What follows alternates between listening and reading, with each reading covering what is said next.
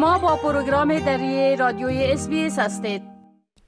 شنونده های عزیز حال همکارم مجیب منیب درباره موضوعات مهمی که ای هفته در وبسایت ما نشر شده توضیحات میتن در صفحه اینترنتی SBS به زبان دری با آدرس sbs.com.au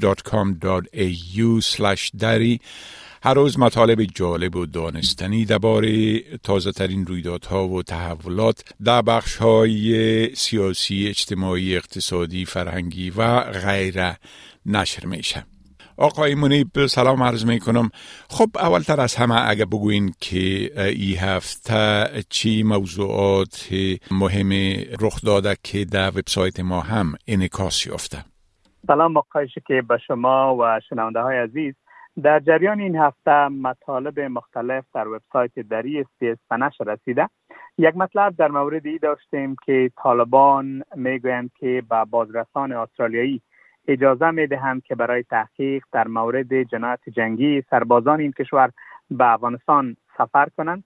یک مطلب هم در مورد نگرانی ترجمانان اسبق نیروهای استرالیایی داشتیم که از حکومت استرالیا می‌خواهند تا قبل از خاتمه برنامه افغانلی یا کارمندان محلی روند رسیدگی به درخواست ویزاها را سرعت بخشد.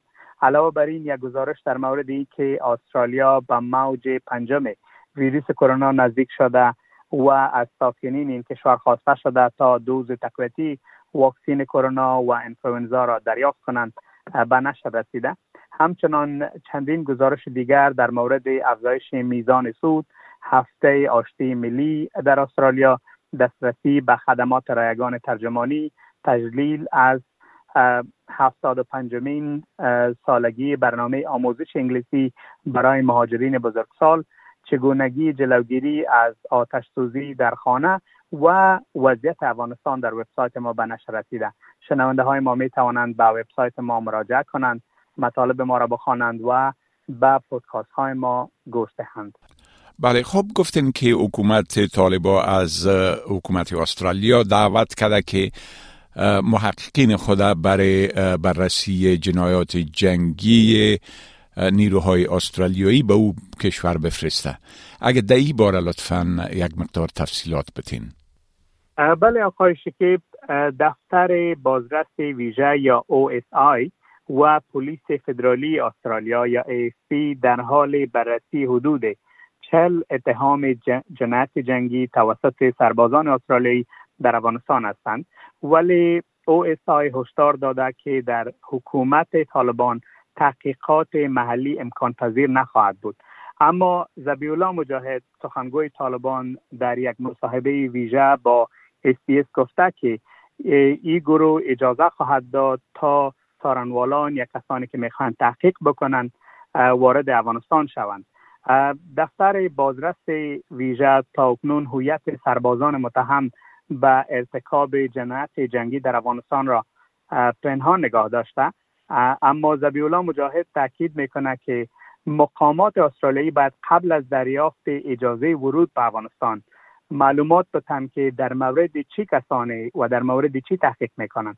او گفته اگر امارات اسلامی باور داشته باشد که نهاد تحقیق کننده صادقانه در مورد جرایم جرایم جنگی تحقیق می کند در این صورت در مورد همکاری با آنها فکر خواهد کرد. اما هنوز این اعتماد را ندارد که آنها در مورد چی تحقیق می کنند گزارش تحقیقات بازرس کل اردوی استرالیا که در سال 2020 منتشر شد حاوی شواهد معتبر درباره دست کم 39 مورد جنایت جنگی توسط سربازان استرالیایی در افغانستان بود. این گزارش که به حکومت استرالیا توصیه کرده بود که بلافاصله بدون انتظار برای مشخص شدن مسئولیت جنایی به قربانیان افغان خساره بپردازد گروه حاکم بر افغانستان که خود به دلیل جنایت جنگی و جنایت علیه بشریت تحت تحقیقات بین المللی قرار دارد. همچنین می‌گوید که رسیدن خساره استرالیا به دست قربانی افغان آنها را تضمین می کنند و خواستاری هستند. زبیولا مجاهد در مصاحبه ویژه با اسپیس همچنان در مورد تعلیم زنان صحبت های داشته و گفته که کار در جریان است تا دروازه های مکاتب و پانتون ها برای دختران باز شود. اما شمار از افغان ها می‌گویند که به این حرفهای آنها باور ندارند. بله خب از مطلب درباره هشدار پیرامون موج تازه کرونا و تقاضای حکومت از مردم برای گرفتن دوز تقویتی واکسین ضد کرونا. صحبت کردین که این مطلب در وبسایت ما نشر شده. اگر لطفا یک مقدار در این باره توضیحات بتین بله خواهش که با استرالیا به موج پنجم ویروس کرونا نزدیک شده.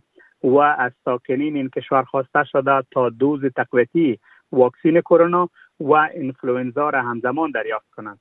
در حالی که بیش از شش ماه از دریافت دوز تقویتی کووید 19 توسط اکثریت استرالیا ها میگذرد آغاز موج جدید کرونا یک بار دیگر باعث نگرانی ها در کشور شده است. از سیوم ماه می بدین سو در استرالیا همه روزه حدود 5500 مورد جدید ویروس کرونا در استرالیا ثبت شده که نسبت به ماه مارچ دو برابر افزایش را نشان می‌دهد. موارد انفلوئنزا همچنان در استرالیا در حال افزایش است. آمار رسمی نشان می‌دهد که بین 15 و 28 ماه می یعنی در یک 14 روز نزدیک به 18 هزار مورد انفلوئنزا در استرالیا ثبت شده.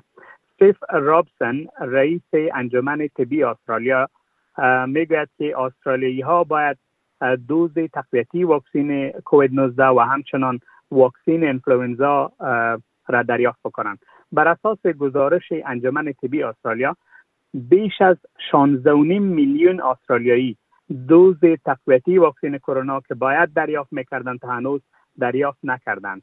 دکتر رابسن می‌گوید دوره کرنتین و محدودیت ها تمام شده. پس قابل درک است که چرا بسیاری از مردم حس امنیت دروغین را دارند اما معلومات نشان میده که روزانه هزاران استرالیایی به این ویروس مبتلا می شوند به همین دلیل نیاز است تا مردم علاوه بر که احساس امنیت می‌کنند که محدودیت ها نیست بعد بروند. واکسین ویروس کرونا را هم دوز تقویتی واکسین ویروس کرونا را دریافت کنند از آغاز همگیری ویروس کرونا تا اکنون حدود 765 میلیون نفر در سراسر جهان به ویروس کرونا مبتلا گردیده و نزدیک به 7 میلیون تن در اثر این بیماری جان باختند.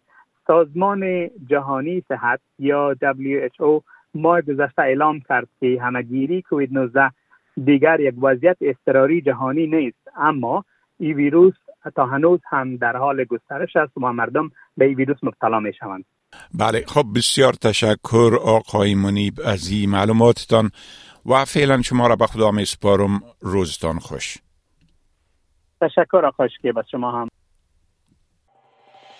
می خواهید این گونه گزارش ها را بیشتر بشنوید؟ با این گزارشات از طریق Apple Podcast، Google Podcast، Spotify و یا هر جایی که پادکاستتان را می گیرید گوش دهید.